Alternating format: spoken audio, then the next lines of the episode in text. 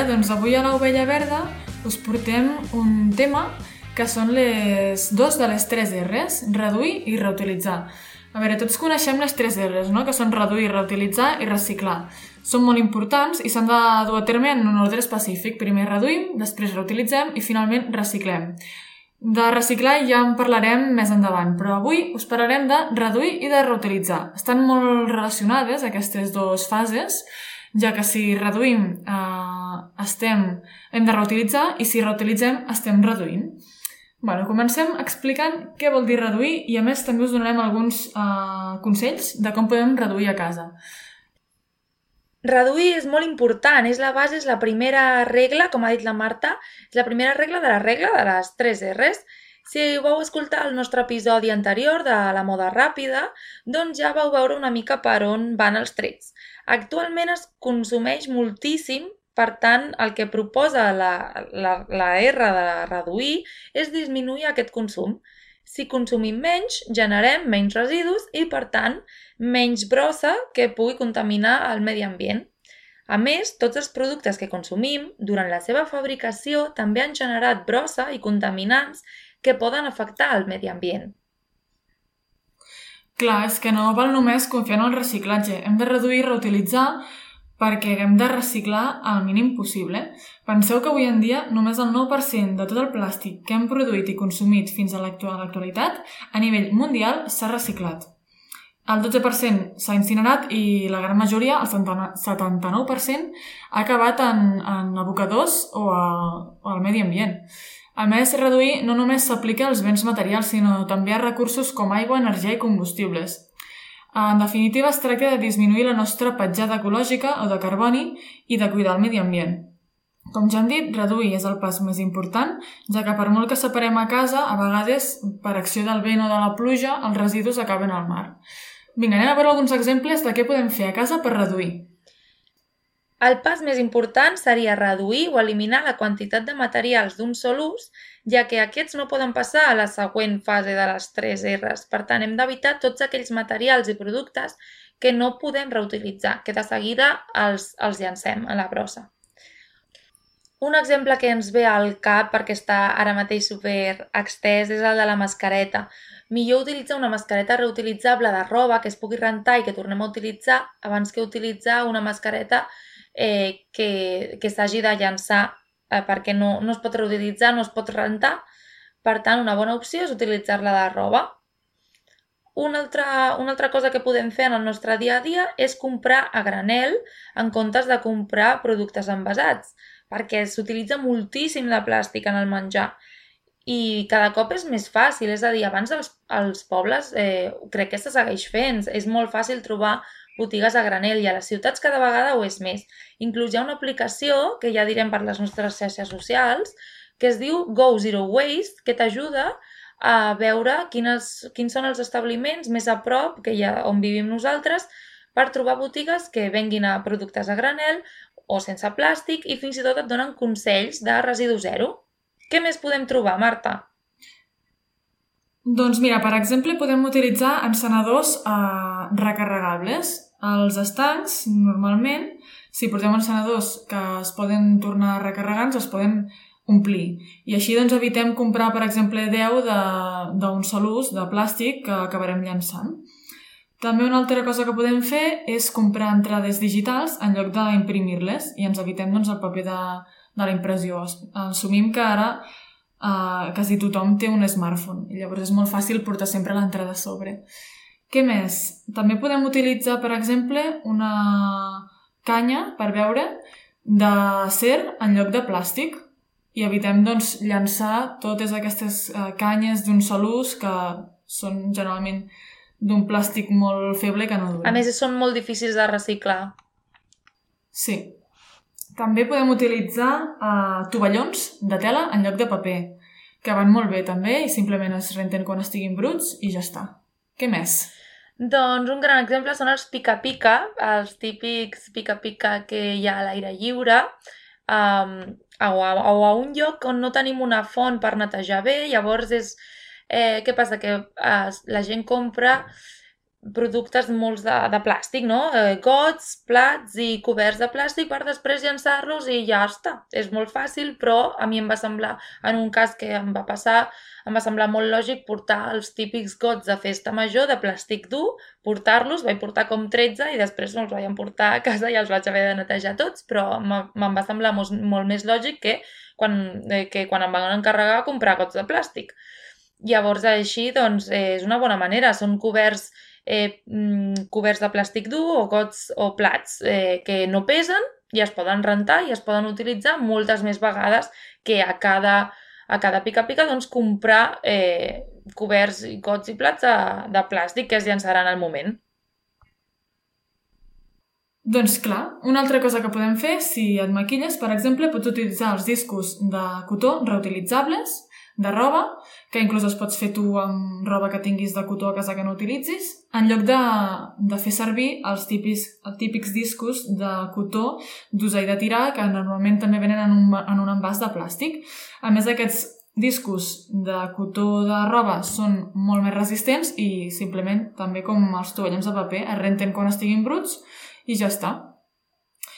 I tornant a la cuina, doncs, per exemple, podem utilitzar el Boc and Roll, que això és una marca, però li diem així perquè bueno, coneixem d'aquesta forma. És simplement un envoltori reutilitzable per als nostres entrepans. A vegades sí que hi ha entrepans que els hi cau una mica doncs, d'oli o hi ha sucs no? que poden caure. Simplement doncs, els, eh, els, els hi posem una, un, un tovalló per sobre i el boc and roll i van genial. Jo l'utilitzo de fa temps i em va molt bé. El recomano. Llavors, a l'hora de fer la compra, ara sí que s'utilitzen molt les típiques bosses grans on fiquem allà tota la compra, tots els envasos de plàstic els fiquem en una bossa supergran que va molt bé, és reduir eh, les bosses de plàstic, però ja dins de la bossa encara podem reduir més envasos eh, les típiques bosses de plàstic petites que s'utilitzen per comprar la fruita i la verdura, doncs ens podem comprar-ne unes de tela. I llavors, eh, unes de tela petites que ens servirien, són molt còmodes per portar allà la fruita i la verdura.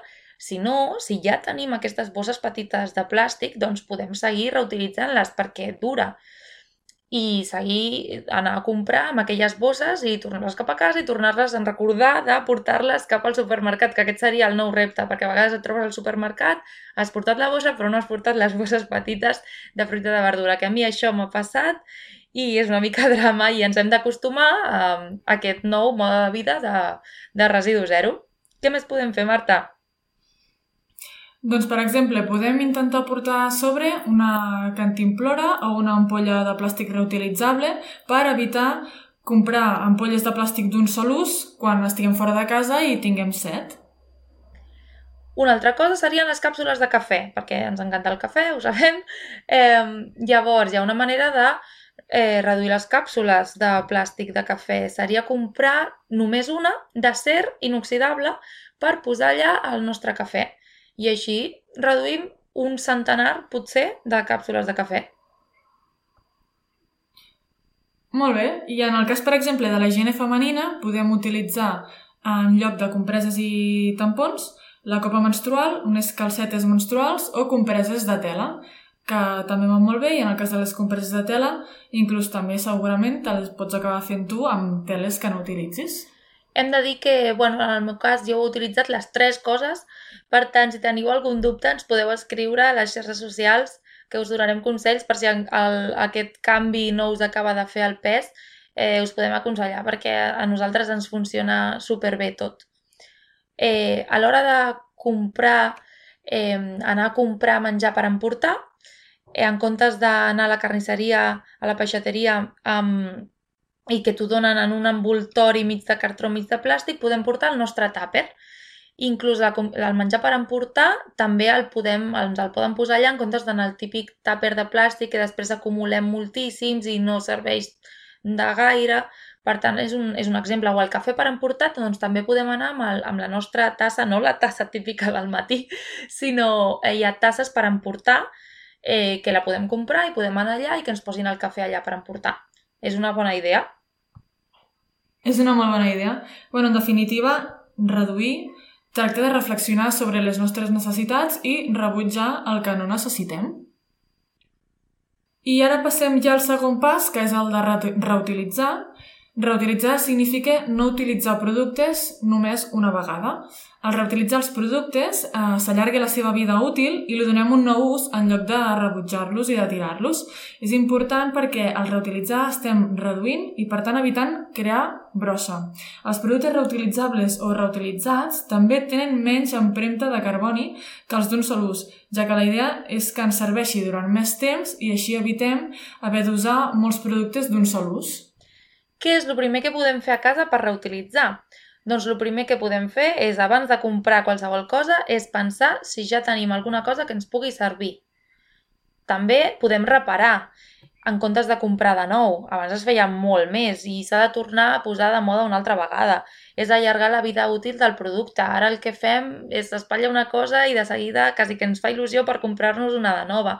I jo crec que reparar és una forma molt bonica de, de seguir amb aquell producte que li, li hem d'agafar un, una estima especial, l'hem de valorar aquell objecte i, i reparar-lo. No? I així doncs, evitem aquest residu.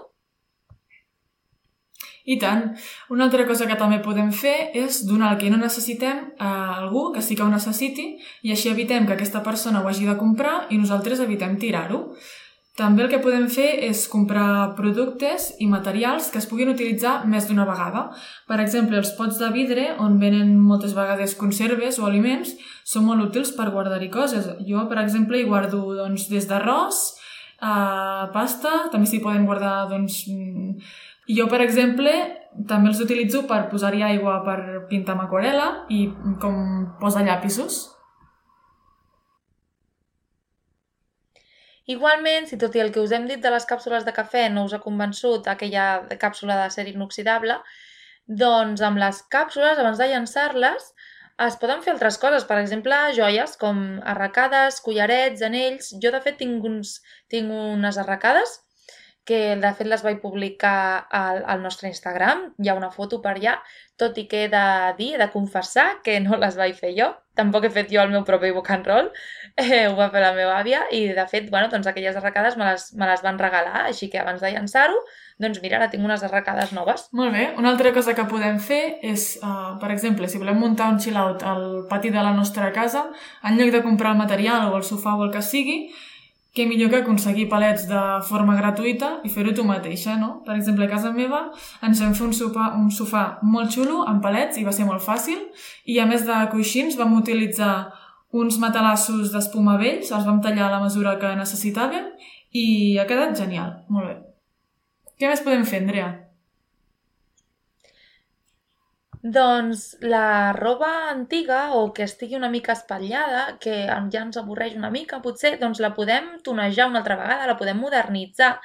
Um, agafem unes tisores i podem fer meravelles. De fet, hi ha mil vídeos a YouTube on agafar idees. De fet, avui he vist una noia agafar uns calçotets negres i fer-se un top. Per tant, eh, allà podem agafar moltes idees i, mm, eh, com es diu, eh, agafar, com, bueno, soltar la nostra creativitat i deixar anar el nostre art. També, una altra cosa, les ampolles de plàstic o els brics, que ja, mm, clar, es poden reduir, però al final arribem a un moment que, vale, ho, hem de comprar. Es poden fer moltes coses abans de llançar-ho. Podem fer testos. Podem fer testos per les plantes. Hi ha jardins verticals que podem posar, és a dir, plantes a la paret, simplement, agafades de la paret, i podem muntar allà el nostre jardí vertical amb els testos fets d'ampolles de plàstic o brics. Inclús jo m'he fet, eh, una vegada em vaig fer un monader amb un bric de, amb un bric de, de llet de cibada. Doncs eh, també vaig comprar un altre fet, o sigui, fa molts anys, comprat de, de pneumàtics era doncs, un home que, bueno, aquestes típiques paradetes artesanals, doncs feia coses reutilitzades amb, amb els pneumàtics. Llavors, quina bona manera de, si necessitem alguna cosa, de comprar doncs, aquests productes artesanals amb material reutilitzat abans que comprar un producte nou a una multinacional. I tant. Si teniu més idees o heu reutilitzat materials o objectes a casa vostra de forma diferent, que no m'ha anomenat perquè hi ha mil maneres de reutilitzar, ens ho podeu comunicar per les xarxes socials i ens encantarà escoltar-vos perquè igualment doncs, reduir i reutilitzar depenen exclusivament de nosaltres mateixos reciclar també, però ja hi ha més persones involucrades, així que és la nostra responsabilitat al focalitzar els nostres esforços en reduir el nostre consum, sobretot de materials que no es poden reciclar correctament. Exacte. A veure, de res serveix quan ens han dit a vegades no pateixis si jo ho reciclo. Eh, no serveix de gaire si no parem de produir i consumir recursos de manera insostenible. Reciclar és l'últim pas. Abans hem de fer totes aquestes coses que hem anomenat. I ara, ara que sabem això, tampoc cal comprar mil coses eco i bio i començar a consumir moltíssim aquestes coses, sinó tot el contrari, minimitzar, buscar aquest, aquest punt de vista minimalista, aprofitar tot el que tenim i fixar-nos en com ho feien les nostres àvies i els nostres avis, que ho aprofitaven absolutament tot i era com l'època potser més sostenible, potser pitjor qualitat de vida, però hem d'adaptar el que feien abans al present, eh, perquè reduïen moltíssim, llavors eh, ho reprofitaven tot. Per tant, hem, hem de com adaptar-ho al, al present, a l'actualitat, no? i dir que no comprar mil coses verdes i dir que ara hem de ser més verds, sinó potser tornar enrere i, i no sé, agafar aquests exemples. Sí, totalment. Una mica el missatge seria aquest. Nosaltres intentem portar a terme una mica el moviment aquest residu zero, no? de no crear excessius residus o de consumir conscientment, però evidentment no són perfectes i no ho fem tot uh, bé. Tampoc es tracta de fer-ho 100% tot bé o no fer res bé. Si nosaltres podem fer alguna coseta al nostre dia a dia que ja ens acosta més a ser una mica més sostenibles, doncs es tracta d'això, no? de ser més conscients i de, i de fer poquet a poquet el que puguem i, i, i anar millorant en aquest sentit. Us animem a unir-nos a aquest moviment de residu zero i ens podem aconsellar i escriure a les nostres xarxes socials. De moment, gràcies per escoltar-nos. Al proper episodi parlarem de reciclatge, així que ens llegim i ens escoltem per allà. Recordeu que estem a Instagram i a Twitter. Així que fins una altra. Adeu! Adeu!